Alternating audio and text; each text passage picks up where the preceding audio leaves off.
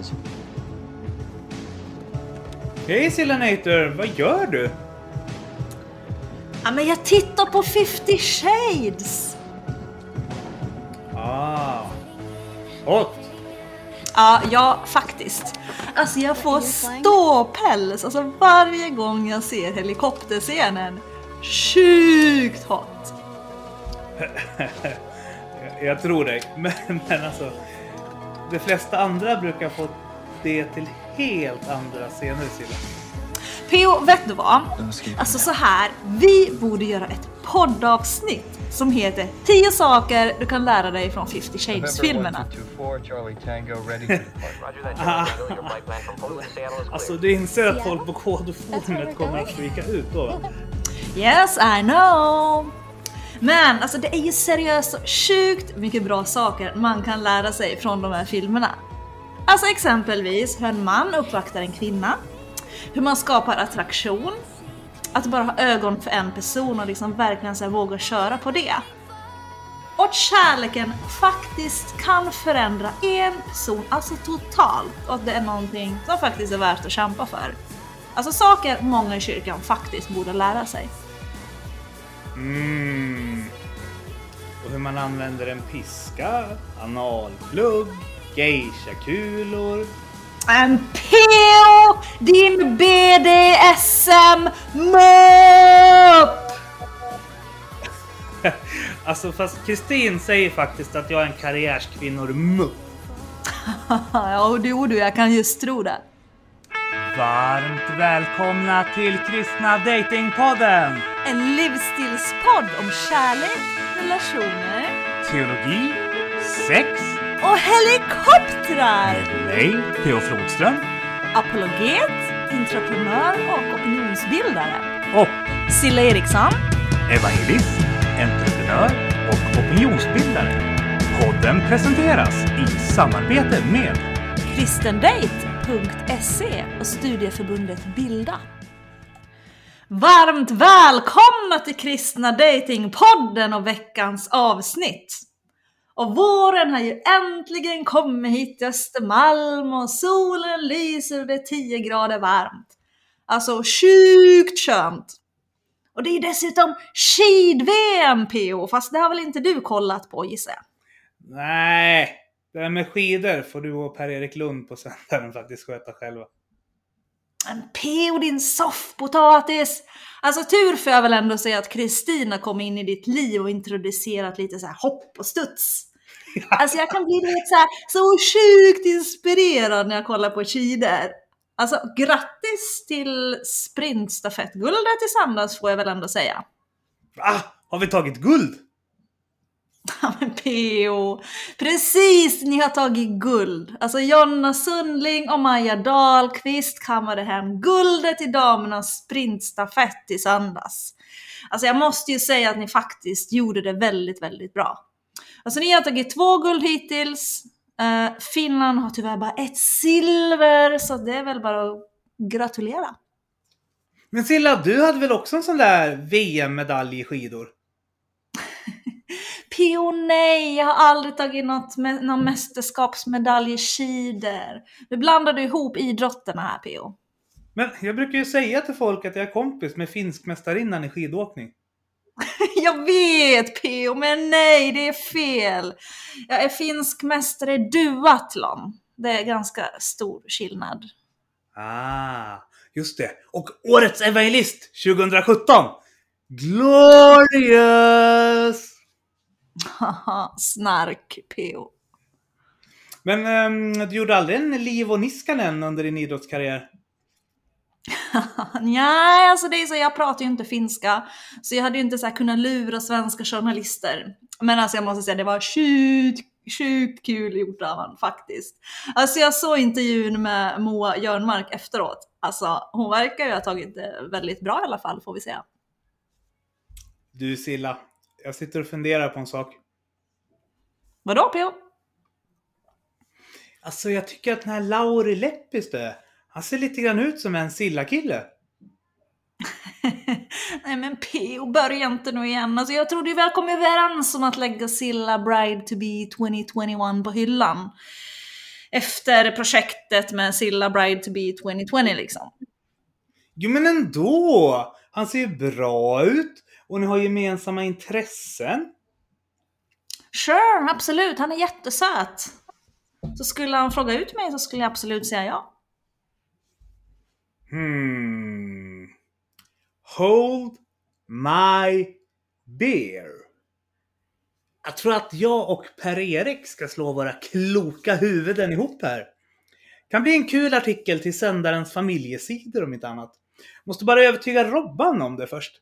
Men vi har ju möte tillsammans med honom och Skogis och Tony och Byrskog i eftermiddag angående vårt andra Glorious-projekt som vi inte ska prata om offentligt än. Mm, alltså PO, alltså jag blir alltid lite nervös när det blir sådär. Var inte det! Det här kommer att bli glorious! ja, jag tror det när jag ser det. Men du, vet du vad jag gjorde i helgen förresten? Nej, berätta! Jo, jag spelade tennis! Åh, oh, kul! Jag visste inte att du spelade tennis också. Nej, men PO, det är ju exakt det jag inte gör. Jag är kass! Men jag hade en sjukt snygg tennistränare, så det var liksom anledningen till att jag spelade. Oh, tennis! Med en civilekonom! Okej, okay, nu ska vi inte prata mer om det här. Hur har din vecka varit P.O.? Mm, alltså, jag har blivit sjukt sviken av en person som står mig nära. Men så är livet. Det har sina ups and downs som du och Stefan Svärd brukar säga. Eh, annars har jag reflekterat lite kring det här med hur vi bygger olika kulturer genom vilka förebilder vi lyfter upp som kollektiv i våra liv och i offentligheten. Ja, jag läste ju din artikel förresten om Sankta Clara kyrka och hur det har varit liksom lite av en så här kulturkrock för dig att liksom så inte kunna lämna kvar värdesaker i kyrkbänken när du och Kristin skulle gå upp och ta nattvarden. Ja men precis! Det där har gjort mig lite splittrad. Alltså om jag personligen skulle känna mig hemma i en församling där alla känner sig välkomna. Jag menar, vi säger ju ofta så här, vi gillar olika och att vi tror på alla människors lika värde. Ja, du säger ju inte så för du är en högermupp. Men vi som inte är högermuppar säger så. Eh, men alltså vad innebär det konkret i vår vardag? Alltså? Hur, hur tänker du Silla? Ja, alltså jag tänker att alla människor såklart ska vara välkommen till kyrkan. Men jag tror ju också samtidigt att vi bygger olika församlingskulturer som attraherar olika människor.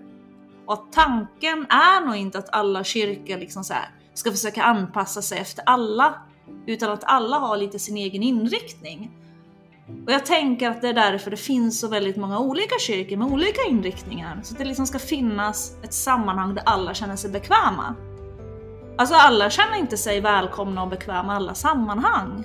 Lika lite som att jag skulle här, känna mig bekväm i Sankta Clara eller liksom romersk-katolska kyrkan.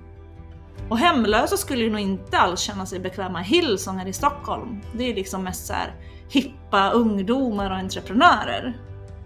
Och det kanske inte är den typen av människor som hemlösa skulle känna samhörighet med.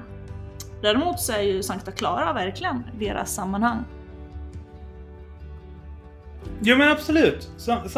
samtidigt tänker jag att det blir skillnad på att själv åka ut och göra diakoni på en plats eh, eller besöka trasiga människor där, där de är än att ta med de trasiga människorna hem. Så. Och att det blir också lite skillnad, för jag tänker att Hillsong är också såklart kända och kallade till att gå ut på plattan och eh, liksom finnas bland trasiga människor och ta hand om och så.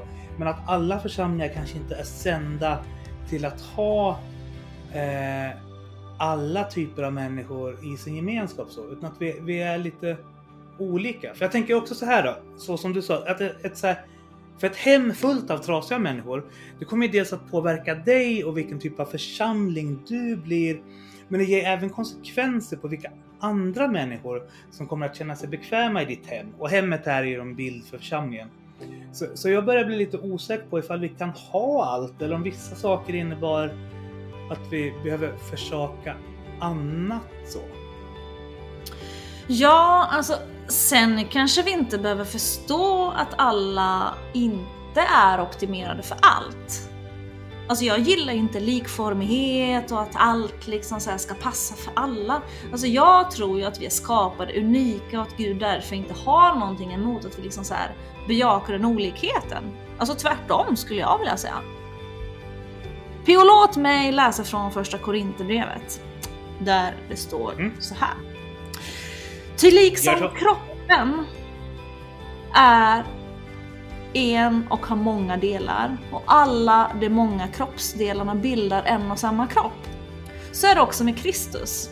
Men en och samma ande har vi alla döpts att höra till en och samma kropp.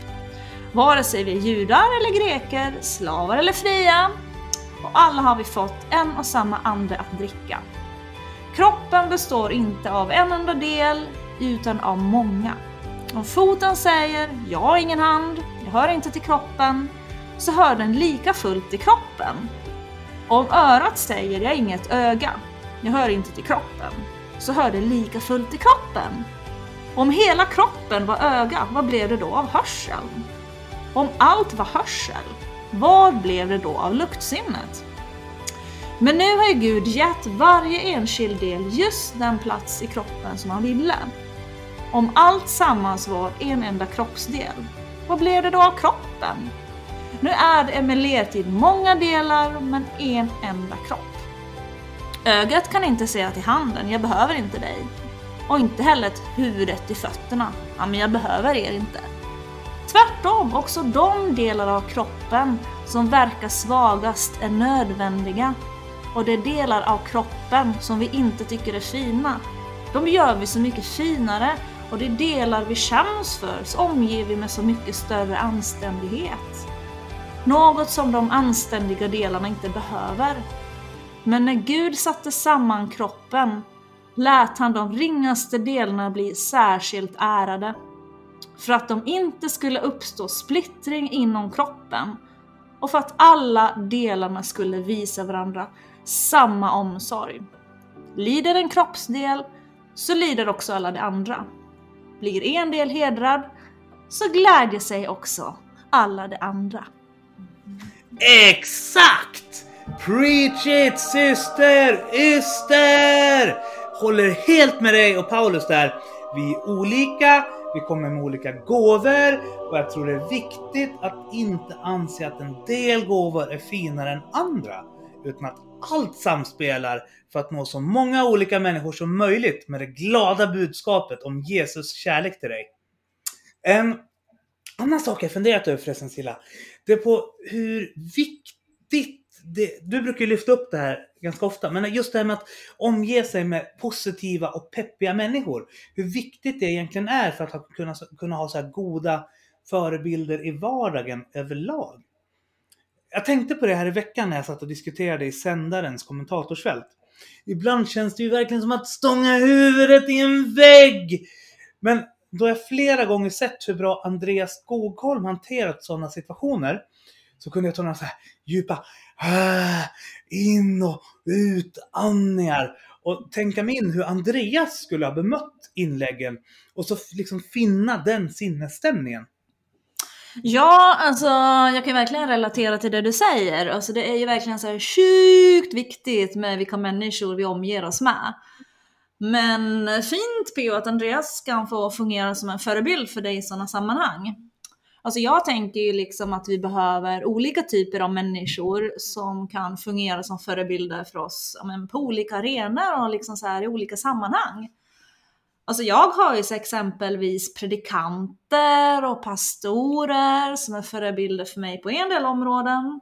Sen har jag så här relationella förebilder. Jag har livsstilsförebilder. Du vet så här minimalister som reser runt med sitt tiny house och sitter på fjälltoppar och andas fjällluft.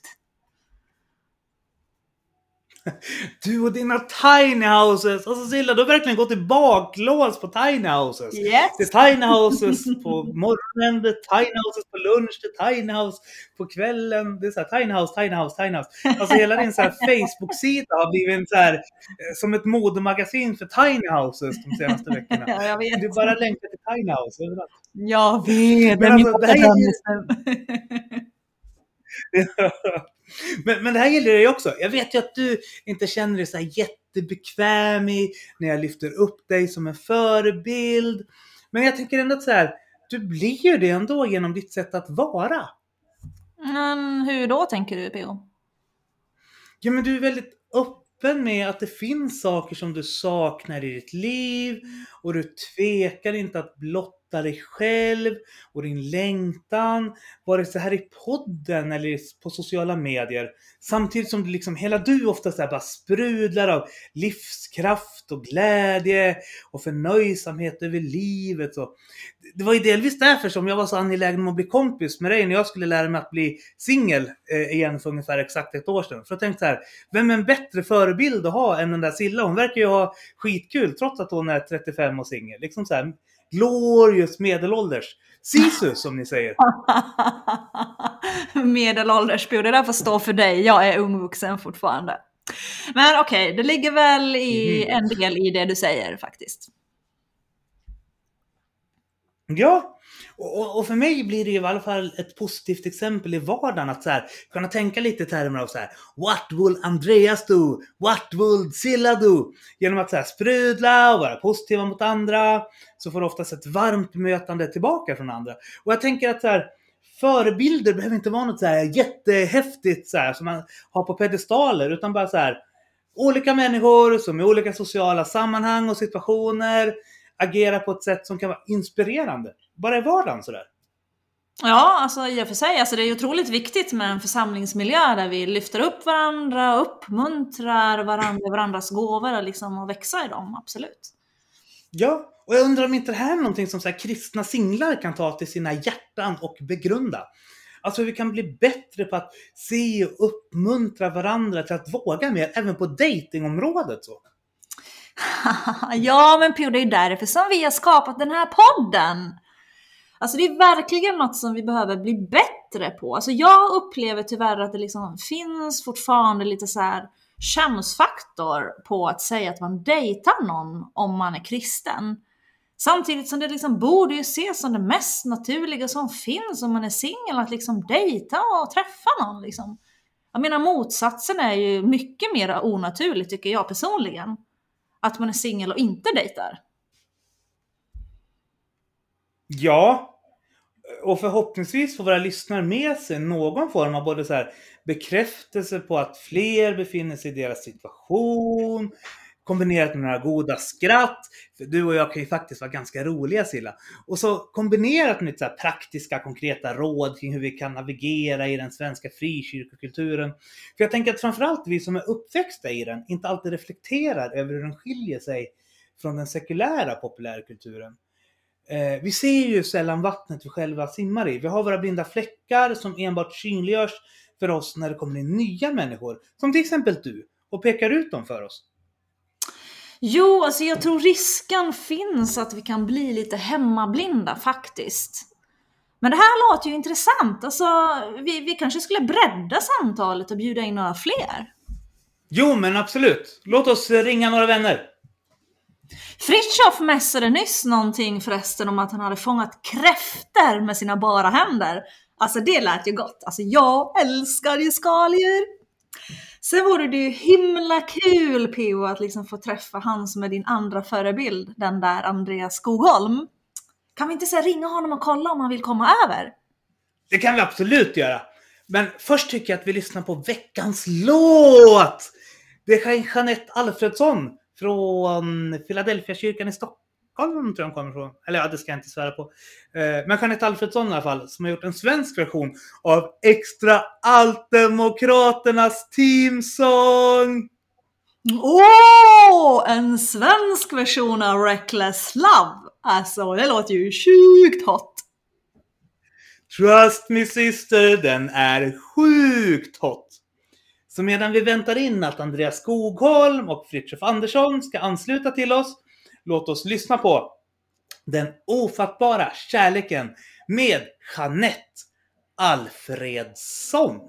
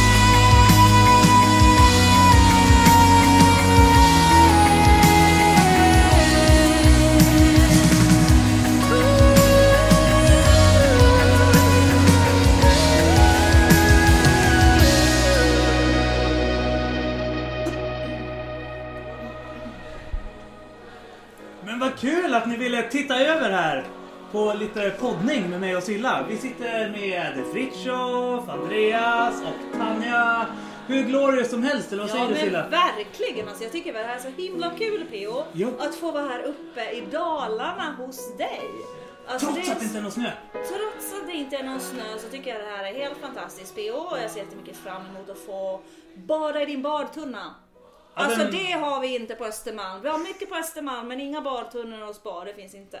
Badtunnan har jag inte fyllt, men spat kan du få bada i. Ja, Ja. men det blir det ser jag jättemycket fram emot. Ja. Ja. Sen eh, Svante och Fritiof har lovat att vi kan få smörja in dem i babyolja så får lite kustlister Okej. för kvällens badövningar. Ursäkta? Det här låter helt glorious, jag tror det kommer bli helt kanon. Andreas är lite mer skeptisk, men eh, vi får väl se. Ja. vi får se. Framåt kvällen kanske det kommer det också. Ja, väldigt skeptisk. Men den här gången så ska du få middag i tid i alla fall, det har jag lovat. Ja, det är skönt. Det tycker jag. Ser jag fram emot. Ja, Vi ska käka kräftor har jag ja hört. som, man, som Fritiof har fångat med händerna. Oj, är det sant? Ni har fiskat dem själv alltså? Ja. Ja, men nu kommer vi till de här PO-överdrifterna igen. Jag har inte, fång inte fångat dem med händer. Det är signalkräftor det här. Ja. Eh, Du kan inte fånga dem med händer. Som en katt. Nej, nej, nej. Du, du har burar. Men de, är från, de är från Dalarna. Men du satte ner burarna med händerna. Det gjorde jag. Och sen tog du upp burarna med Jajamän. Alltså har han fångat dem med händerna. Fångat i Varför sjön. snackar du ner dig själv för? Nu, nu, är det- nu är det som Silla när hon har skrivit en debattartikel och bara säger P.O. jag kan inte skriva. Så här, jo, det kan du ju uppenbarligen. Det är 4500 tecken inklusive mellanslag. Uppenbarligen kan du skriva. Liksom. Fångat i Stjärnsund i Dalarna. Ja. Ja, det är fint. Sist Andreas du var här så var ju du min chaperone. Miss K var ju här då. När jag var i huset, ja. Mm. Ja. Och jag måste säga Andreas, du måste vara en av världens bästa chaperones. Tack. För jag och Miss K kysste varandra för första gången två dagar efter att du hade wingmanat mig. Eh, Så att Silla, jag har ju bjudit upp dig delvis för att du och Andreas ska bli kompisar. För att jag vet att det är liksom, har man Andreas vid sin sida då händer det liksom. Ja, jag förstår. Tänker så. Ja, Mm. ja, spännande. Det är inte statistiskt bevisat. Nej, Nej. nej, jag förstår. Men då ska vi prata lite om frikyrkokultur hörni. Vad är det som eh, skiljer frikyrkokulturen från majoritetskulturen? För det finns en del kulturskillnader. Speciellt killar, tjejer, dating och sådana saker. Så vad är de, skulle ni säga, största uppenbara, uppenbara skillnaderna mellan sek- alltså det sekulära samhället och eh, frikyrkan? PO? Jag tänkte vi kan väl börja med att alla presenterar sin relation till Svensk Frikyrka också. Så att vi förstår vilken ja, men ingång alla har. precis, för alla har lite olika ingångar Ja. får man säga. Tanja, vill du börja? Ja, det kan jag börja. Jag, eh, jag har flyttat, inflyttat till Sverige för fyra år sedan. Så eh, det är ganska nytt för mig, svensk frikyrkokultur. Eh, Men jag är kristen och är uppväxt i en kristen familj eh, i Portugal. Så lite yngre version här. Men det, du pra, alltså jag är så sjukt imponerad av hur bra svenska du pratar. Du pratar ju nästan Verkligen. bättre än Silla som kom hit för 12 år Verkligen. sedan. Ja, Exakt! knappt det ser inte. Ja men det är imponerande, verkligen. Ja. Fyra år. Du har verkligen lärt dig snabbt. Ja, när man eh, får det lätt så, så går det fortare. Och portugisiska skiljer sig mer från svenska än vad finlandssvenska gör dessutom. Ja men det är, det är en längre resa liksom. Mycket, mycket längre resa skulle jag säga. Det är inte riktigt jämförbart. Ja. Ja. Men vi har två invandrartjejer med oss. Kristna Datingpodden är mångkulturell idag. Hur känner du inför det Fritiof? Jag känner mig väldigt bekväm med det. Du gör det? Det är härligt. Jag, jag heter Andreas då och jobbar som pastor nu här i Borlänge. Jag är uppvuxen från barnsben i en pingstkyrka och sen har jag även jobbat i EFK-församlingar under eh, 8, 9, 10, 11 år. Och utöver det så har jag varit med i pingst hela tiden. Gått bibelskolan, läst pastorsutbildning och så att jag är ju en som har rört mig i frikyrkokretsar och kanske tillsammans med dig den som har gjort det mest i denna gruppen då idag. Konferenser, konferenser, konferenser. Mm. Och så det vardagliga livet då. Mm. Mm. Så det är härligt. Mm. Men du är kanske den som har mest erfarenhet egentligen av liksom frikyrkokulturen. Vad skulle du säga att är utmaningen när man som singel då ska ge sig ut och börja dejta? Jag ser jag mig inte själv som en typisk frikyrkoperson fast det gör nog andra. Tror jag. det är ju det där, det är, så, det är lite svårt. Det är, det är spännande nu när vi får olika perspektiv. Det är svårt att se sig själv i kulturen eftersom man är så hemmablind ofta. Och inte minst så är du ju världens bästa wingman. Det är lite grann därför som jag bjöd upp dig den här helgen Silla. För att du och Andreas ska kunna bli kompisar. Alltså ni, ni, måste, ni måste höra det här. Eh, jag hade bjudit hit Miss K. Det var eh, andra gången, eh, tredje gången vi träffades. Eh, hade sagt till Andreas, jag behöver en wingman. Andreas kommer hit. Han wingmanar en hel kväll. 24 timmar senare så kysser Miss K mig. Alltså är det ett statistiskt sammanband eller fanns det en kausalitet? Ifall du eh, gör Andreas till en wingman så kan vi pröva att falsificera det här. Okej, ja, det ser jag fram emot. Spännande kväll känner jag det här verkligen. Ja, ja. Kan vara så. Kan varit några fler också wingmanare på den här kvällen. Jag var ju inte helt ensam. Men ni gjorde alla ett väldigt bra jobb. K Ja. sa rätt. Alltså, så här, är alla dina vänner så här trevliga? Och då sa nej du har inte träffat Fritiof än. Och eh, på tal om Fritiof. Så sitter du här också. Ja, tack PO. ja, Marcus Fritiof Andersson heter jag. Jag har känt PO i 10 plus år. Eh, jag har haft lite erfarenhet från en fri- frikyrka innan. Eh, det är Korskyrkan i Gävle då. Men jag är mer här som ett utomstående perspektiv. Som kikar in i den här kulturen. Du är nyfrälst på riktigt. Ja, precis. Mm. Ja men det är spännande. Tänk vilken bredd vi har av människor här. Allt från helt nyfrälsta personer till eh, du som varit pastor i väldigt, väldigt många år. Så det kan bli väldigt spännande samtal känns det som. Men Marcus, du och jag satt ju här och snackade lite innan och eh, du tyckte ju så här att att frikyrkotjejerna är så mycket bättre än frikyrkokillarna. Och det här tyckte jag var väldigt, väldigt intressant. Så inte du liksom kunna utveckla det resonemanget lite grann?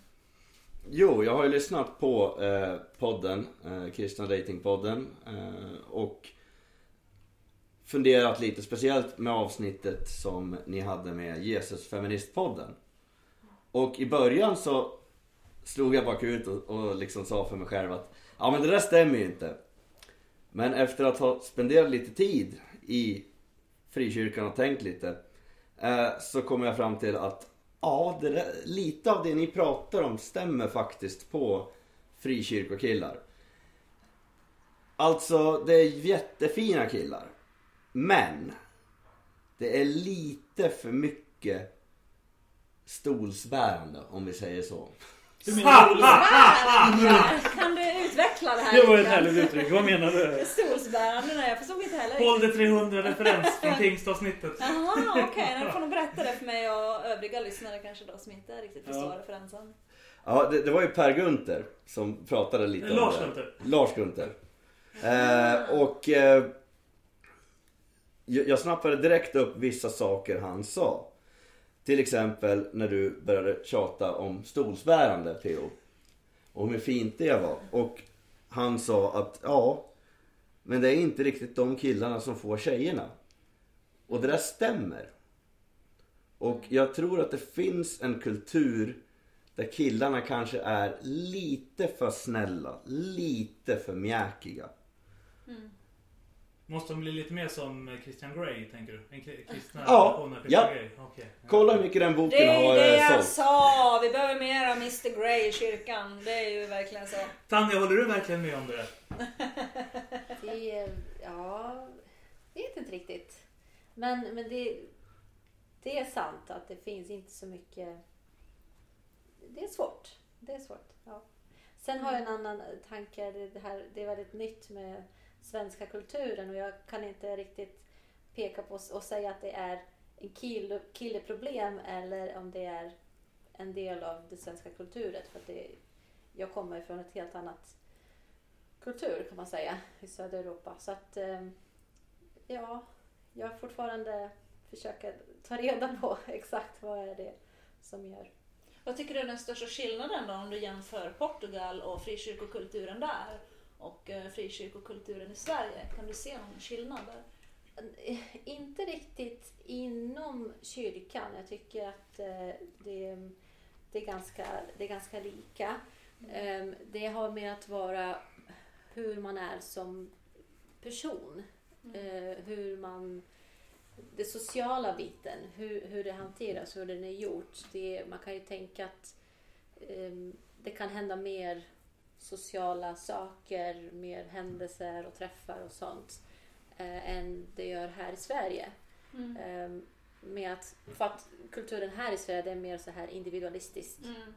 i sig från grunden. Så att det, Mm. kan, eh, det kan påverka mer. Mm. Alltså, det betyder inte att kyrkan är bättre på, i ett land eller mot den, den andra. Det är inte det. Nej, det är bara att det Eh, blir annorlunda liksom. ja. kultur. Precis. Mm, mm. Och det blir utmanande i en kultur som är så individualistiskt präglad som vår kultur är. Då blir det också svårare kan jag tänka mig. Jag kan tänka mig att kulturen nere i Sydeuropa och Portugal, att det är mycket lättare där också. Att knyta nya vänskapsband och träffa människor. Att det blir enklare liksom. Absolut. Det tar längre tid här att eh, skaffa vänner. Mm. Eh, eller åtminstone utöka vår bekanta grupper. Mm. Ehm, det, det, det går mycket saktare här uppe än, eh, Mm. än det är i, i, Portugal framförallt. Det är jag van vid. Mm. Mm. Eh, så det i sig är en skillnad. Och hur det, det, hur det kan påverka själva dejtingen. Jag kan tänka mig att det är, eh, det är inte så konstigt. Om det är så pass individualistiskt så, så är det svårare också kanske att eh, få det här med nära rela- relationer. Mm. Kan tänka mig.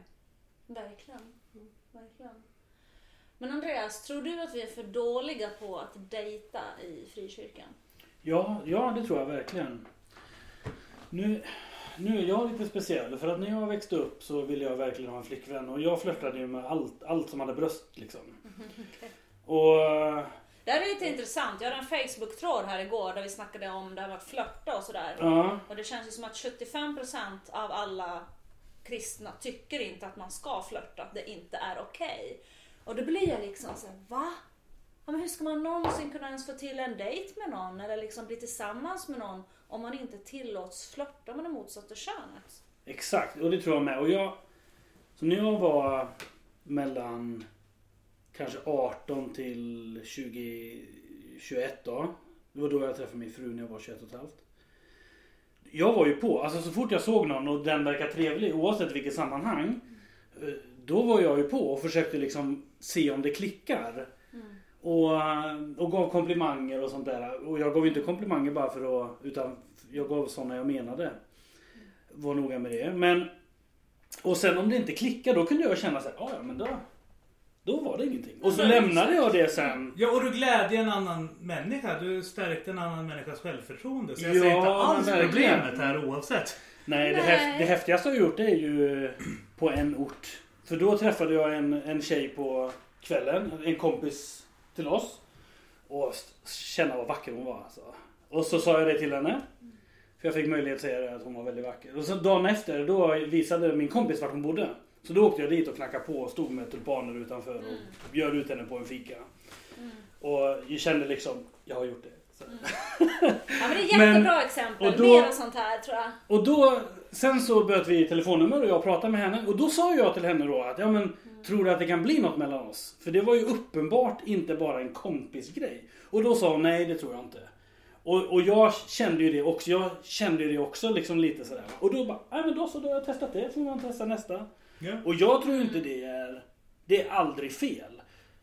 Det som jag tror kan bli problemet är att kristna människor vill hitta den rätta med en gång. Mm. Och när man vill hitta den rätta med en gång så drar man sig lite för att, att dejta och att flörta.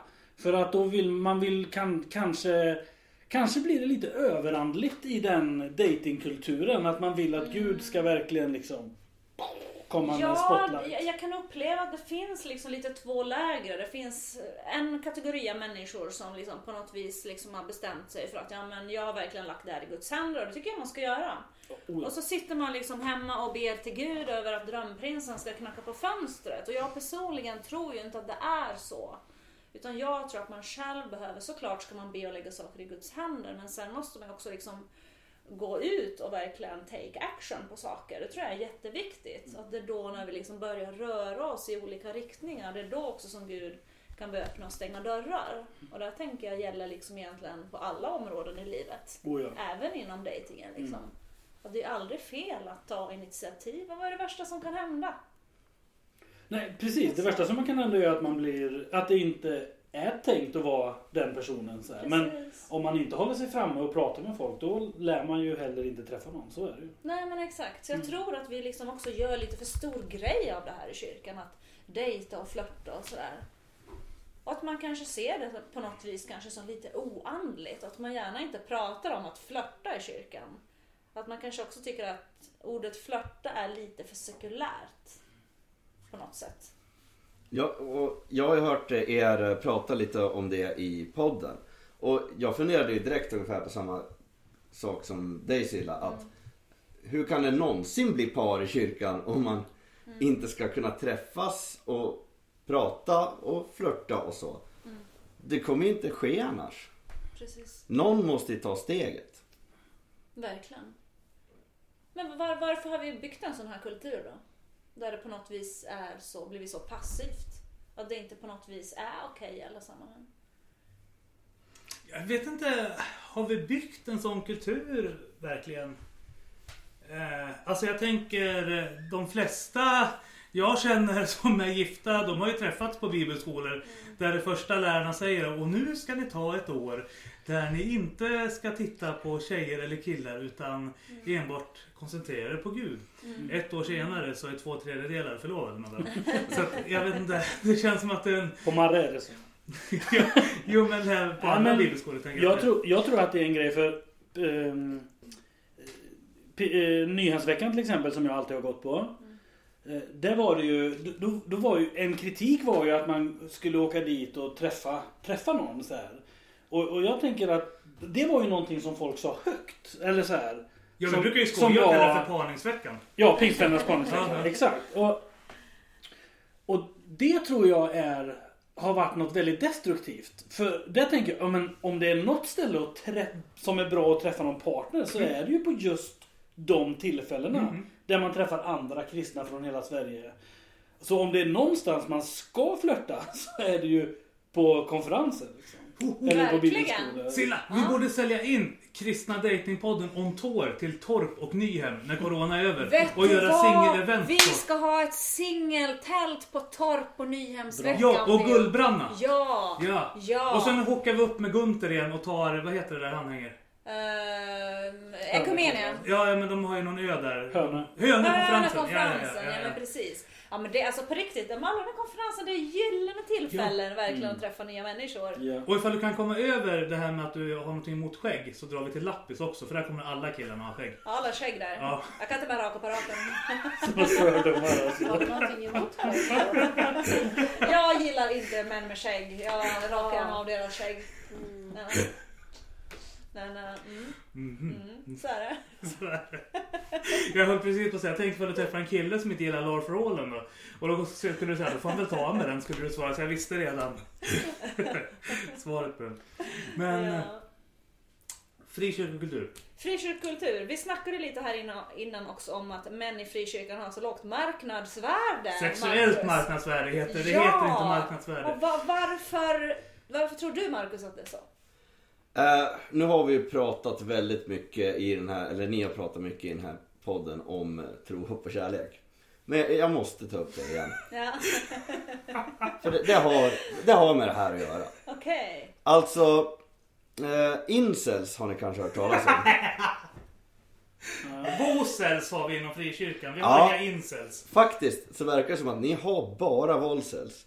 För till och med Filip fick henne, vad var hon hette? Stina. Stina att eh, tycka om honom. Och i den sekulära världen skulle jag säga direkt. Han skulle vara jätte-incel. Han skulle inte få en dejt. Han skulle inte, fick han en dejt skulle det inte gå vidare någonsin. Så att där finns det en hel del att jobba på skulle jag faktiskt säga. Eh, det här är någonting killar i den sekulära världen skulle jag säga, det här måste man lära sig. Annars kommer man inte få eh, nå- någon tjej i princip. Alltså du kan inte vara den här extremt snälla personen som bär stolar liksom. Det, det funkar inte. Och det här säger jag för att jag själv har varit en sån. Den funkade för Lars Gunther. Han var en, den unge Lars Gunther bar stolar. Ja men det tog tio år efter hans första förhållande till Okej. det andra. Ja. Då är, alltså, bättre, då är det bättre att Andreas Skoholm som wingman och snabbare, mer effektivt. Jag tänker att det inte handlar om snällhet utan att det snarare handlar om framåt-anda. Det har lite med det att göra. Det, det går lite framåt i det och det, det, det är lite samma sak. Eh, det som du säger, det, det är en brist på framåtanda skulle jag Mm. säga. Mm. Eh, Alltså det här med sexuellt marknadsvärde och sånt. Det är någonting man pratar om i det som heter manosfären. Och det kan man säga är en internetgrej, en idé om att försöka förstå kvinnor. Och lära andra män att förstå kvinnor. Och kunna förbättra sig själva för att lyckas hitta en partner. Det låter som någonting Alexander Bard håller på med. Men hur, okej, men alla män som lyssnar på det här, och hur, vad, vad är det, det, dina liksom tankar och tips till dem? Hur kan de öka sitt sexuella marknadsvärde? Ja, jag skulle... Jag säger helt enkelt det som jag har lärt mig från manosfären och det som jag har sett och testat fungerar. Eh, börja kanske lyft lite skrot. Eh, börja göra... Gör saker helt enkelt. Alltså kvinnor gillar män som gör saker. Kvinnor vill att en man ska kunna ge sig ut i världen även. Eh, och så att säga provida för henne. Det, eller åtminstone ge ett, det skenet. Men Eh, Tanja, stämmer det här? Måste en man kunna fånga kräftor med händerna för att du ska gå igång liksom? Oj då. Och lyfta skrot? Det behöver inte nödvändigtvis eh, vara så här att man måste jobba med händerna. Men jag, jag samtycker till en viss del där. Eh, I alla fall, alltså, kvinnorna vill gärna att bli omhändertagna. Att någon tar hand om oss. Och att det inte det är inte vi som, som måste göra allting. Utan eh, få också den tillbaka. Att någon visar intresse. Och ser till att eh, stötta, tycker jag. Det behöver inte vara nödvändigtvis att man, man gör allting med, med händerna. Det, det, det betyder inte det, men det är ett sätt att vara, det är ett sätt att tänka. Ehm, lite mer proaktiv, kan jag tänka mig. Tror du att, eh, upplever du att män i Portugal är mera liksom så omhändertagande än, än vad män i Sverige är?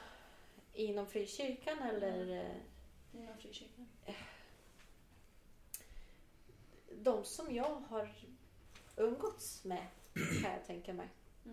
Eh, Alla mina kompisar i kyrkan som är ihop som träffades i kyrkan och eh, är gifta nu och har sin fam- sina familjer.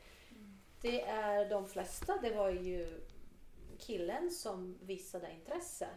Och det är han som tar det här första, första steget. Det behöver inte betyda nödvändigtvis att det är rätt eller fel. Alltså, det, det menar inte jag så.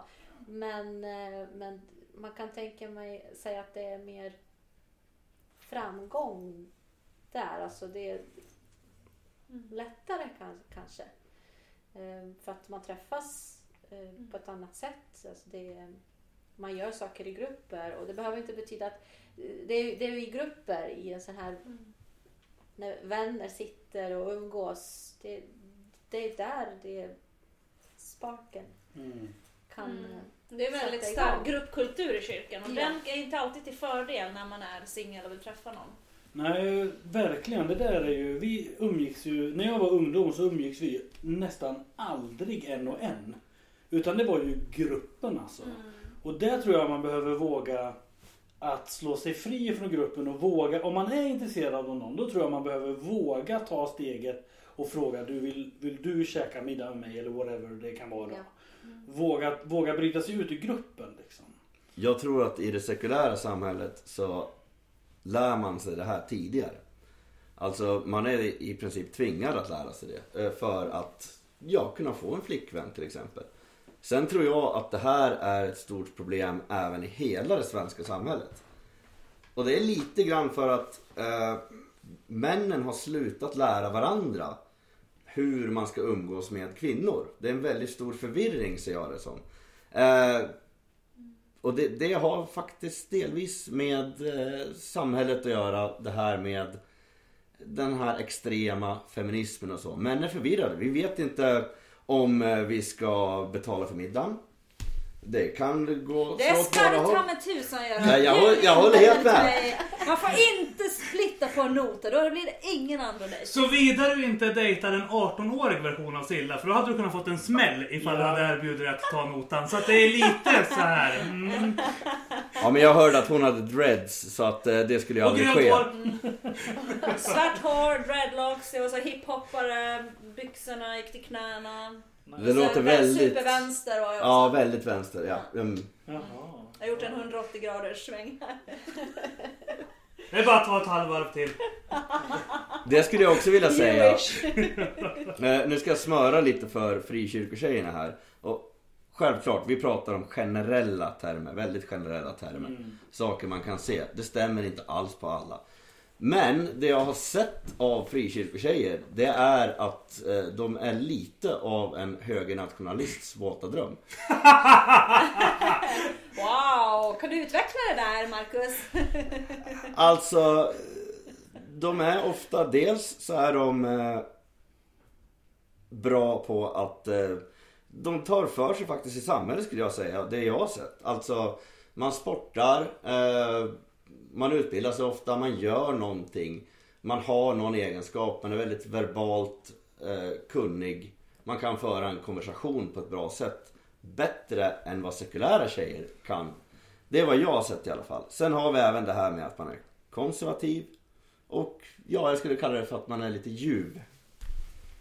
För att alltså frikyrkotjejer är inte så högerkonservativa som du tror. Däremot så har de lärt sig att vara sociala utan alkoholtryggen. Alltså det är det det handlar om. Alltså, Mm. det, det, alltså frikyrkokillar är också mycket mer sociala än vad sekulära killar är. På grund av att vi, vi eller vi, jag övade upp mina kognitiva förmågor i majoritetskulturen. Så, men, så att när jag kom tillbaka till frikyrkokulturen så tog det typ två, tre år att öva upp den kognitiva sociala förmågan att kunna vara rolig och trevlig i nyktert tillstånd. Så. Medan frikyrkokillar och frikyrkotjejer får det där gratis. För de har hela tonårstiden på sig att eh, liksom vara sköna dus och sköna tjejer utan att behöva alkoholtryggen.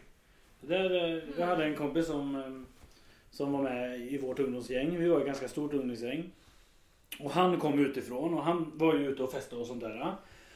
Han började spela innebandy med oss och hänga med oss och sådär. Och sen så insåg han att varför ska jag vara ute och dricka för? Det här är ju ett fantastiskt umgänge. Här pratar alla med varandra och har jättejättetrevligt. Och han fann inte Jesus i gruppen men han fann ju en gemenskap som han hade längtat efter. Där han kunde vara sig själv. Och där, folk, där man inte behövde ta till någon extra dryck för att det skulle funka. Så jag tror att det ligger mycket i det du säger P.O. att vi, vi har lärt oss från början att det är okej att ha roligt utan alkohol. Vi behöver inte det.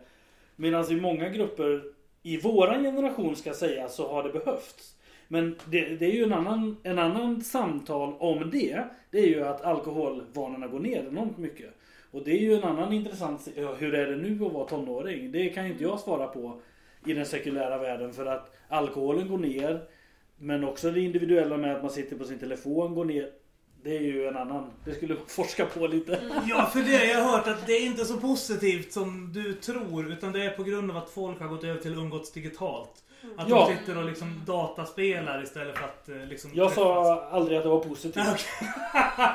Bara att det var annorlunda. 30% av alla träffas ju på nätet nu. Ja. Så man har ju, alltså nätet öppnar Ja. också upp väldigt mycket möjligheter. Det får man ju faktiskt ändå säga att det gör. Jag har ju följt eh, den här debatten och eh, det här om att eh, sexet går ner och så och man träffas mer på nätet och vissa pastorer och präster har ju hyllat det här då. Att, ja men vad bra att folk inte har sex längre typ. Men det är även så att parbildandet minskar då. Det är inte så positivt som de tror. Idag pågår det en, vad ska vi kalla det för? Eh, en rörelse i samhället där ett väldigt fåtal män eh, är väldigt populära hos kvinnor. Sen har du hela resten som sitter själva. Hypergami! Ja, Mm, precis. Det var det vi pratade om med kanske män. Ja, precis. Precis. Mm. det här skapar kanske män. För att eh, om du ligger då på de här topp 20 procenten, det finns forskning på det här förresten. Eh, och det är ju då att 80 procent av kvinnorna går efter 20 procent av männen. Och de här 20 procent av männen, de behöver ju aldrig stadga sig. För att de har en stridström av kvinnor som kommer då. Eh, och det leder ju då till att de blir kanske män i många fall. Och jag upplever ju då att det här är mer vanligt i kyrkan än vad det är utanför kyrkan. Och det här tycker jag är jätteintressant. Varför är det så? Om jag ser liksom till de tre, fyra senaste killarna jag har träffat i kyrkan, och alla varit så kanske män. Ja, de vill ha lite på lillfingret när de vill ha lite närhet eller ha lite kul sådär. Men de vill inte stadga sig. Jag upplever att de här männen finns faktiskt mycket mer i kyrkan än utanför kyrkan. Vad, vad, vad tror ni? Vad, vad beror det på? Tror ni? Om det stämmer måste ju Andreas göra en insats. Det hör jag redan. För då låter det som någon form av relationell inkompetens eller så här relationell utvecklingsområde. Att vi... Ja, det låter som att man, är, man, man har svårt att binda sig på något sätt. Mm. Men jag har inte hört om det. Jag, det där är ett område jag inte kan något om Mm, faktiskt. mm, Ja, vet Jag inte, har, eh, ju. en teori om det där Silla, om det stämmer. Mm. Det kan vara ett omvänt förhållande då. Eh, ta till exempel som i den sekulära världen. Mm. Där kan du gå ut på Tinder och få 100 matchningar ga- väldigt fort. Eh, medan som kille får du mycket färre. Det är ganska bra jobbat om du får 5 av 100 om du faktiskt trycker på allihopa. Eh, där kan man ju säga att kvinnor bara kan välja och vraka. Och jag tror att i frikyrkorna så kan även männen då istället välja och vraka lite grann. Och då kanske de blir lite bortskämda. Sen är det ju det här faktumet också med den här eh, Här för att stanna-studien som ni kom ut med här nu. Att det går tre till fyra stycken tjejer per kille i storstäderna. Så killarna har ju verkligen tjejer att välja på. Och jag tänker att det här gör ju också någonting kanske med att killar har så otroligt mycket valmöjligheter. Så att man... eh, Jag tror ju att det här påverkar också.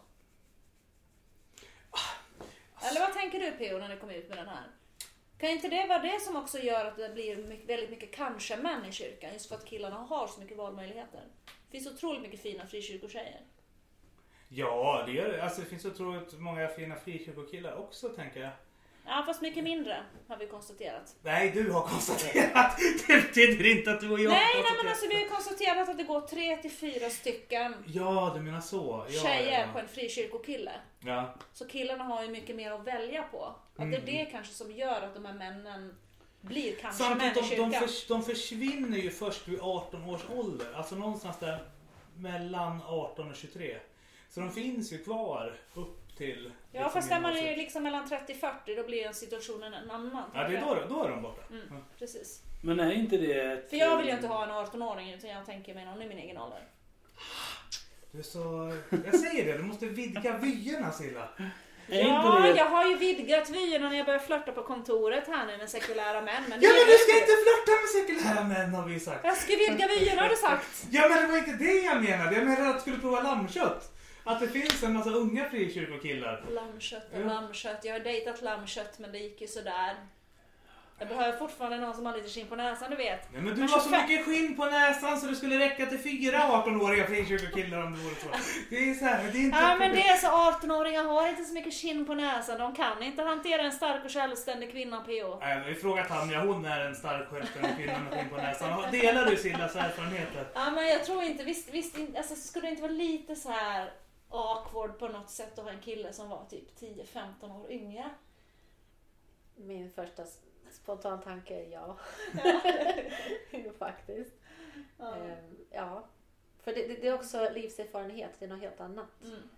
Man kan ha, visst, åldersskillnaden behöver inte betyda jättemycket om man har upplevt, eller har, situation, situationen i livet är lika eller motsvarar ganska bra. Mm. Um, och det, det kan jag tänka mig, och det kommer inte lite grann vad, um, vad Marco säger, att det är att kvinnorna kanske är mer, vad säger man, framgångsrika. Det är inte det jag menar, men de gör mycket mer saker, de utbildar sig, eh, har en annan syn på världen och vill man gärna ha en, en partner som, som delar samma, samma idéer och samma livs livssituation. Och då, då hamnar vi mycket det, det de säger att mellan 30 och 40 det är knappt någon Mm. singelman inom kyrkan. Och då gör det väldigt svårt för tjejerna att, att kunna... Eh, för att det handlar om att dela sitt liv, tänker jag. Mm, mm. Och då... eh, Visst, en 18-åring kan låta intressant men, eh, men det kanske blir ingen eh, bra förhållande för att det är två olika...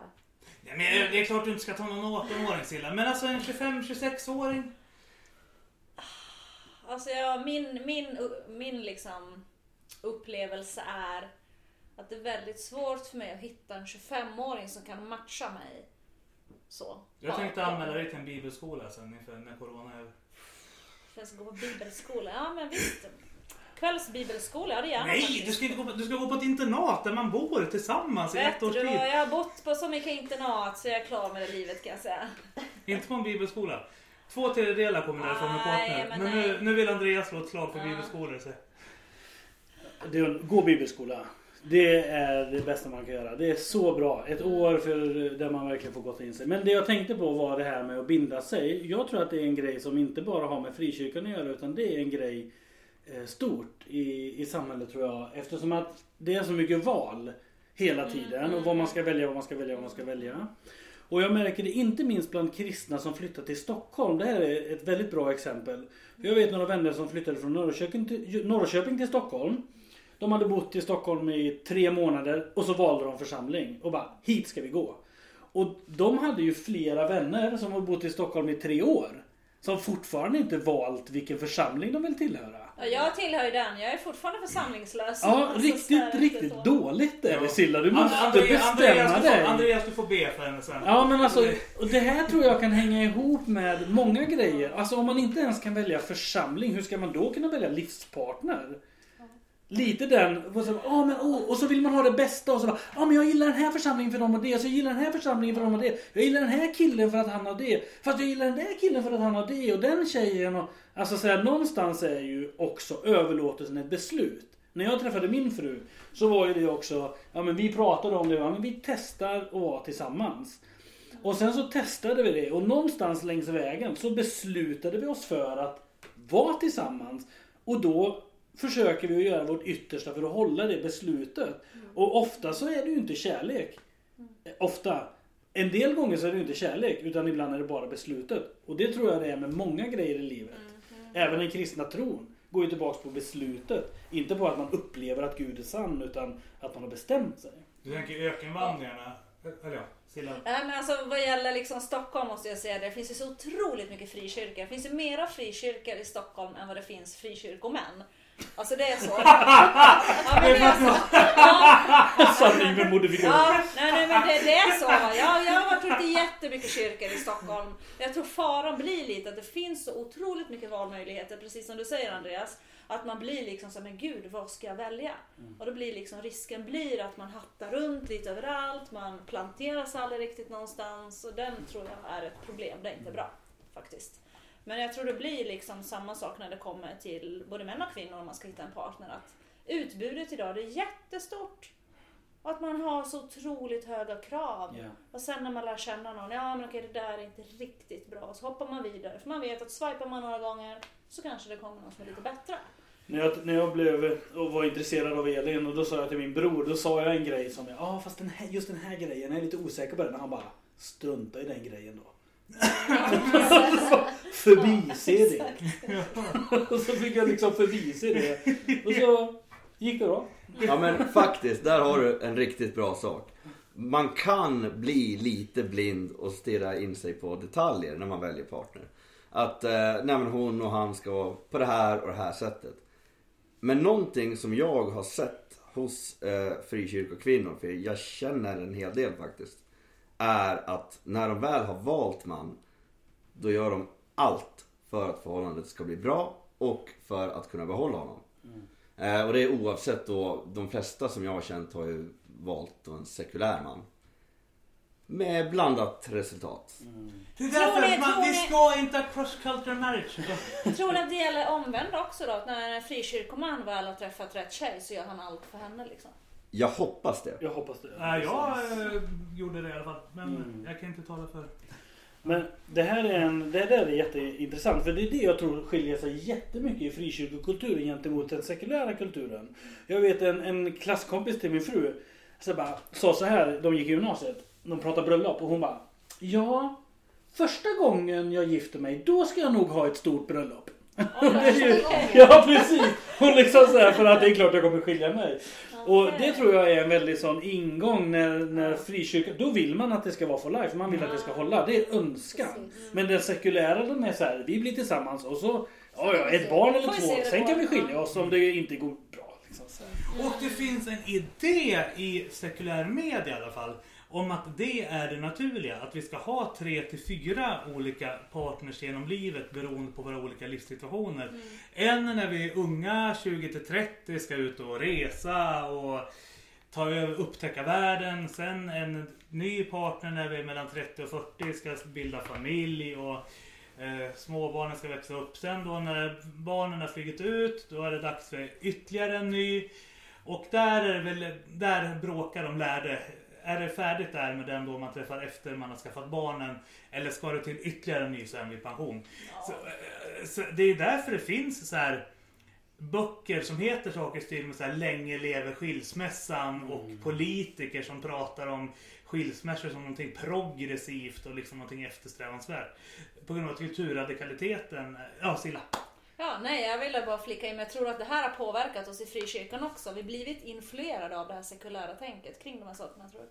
Ja, det tror jag definitivt. Och sen så tror jag att det är viktigt med vilka vi omger oss med. Vilka impulser vi får från människor. För att beroende på vilka vi umgås med så normaliseras olika typer av tankar. Liksom.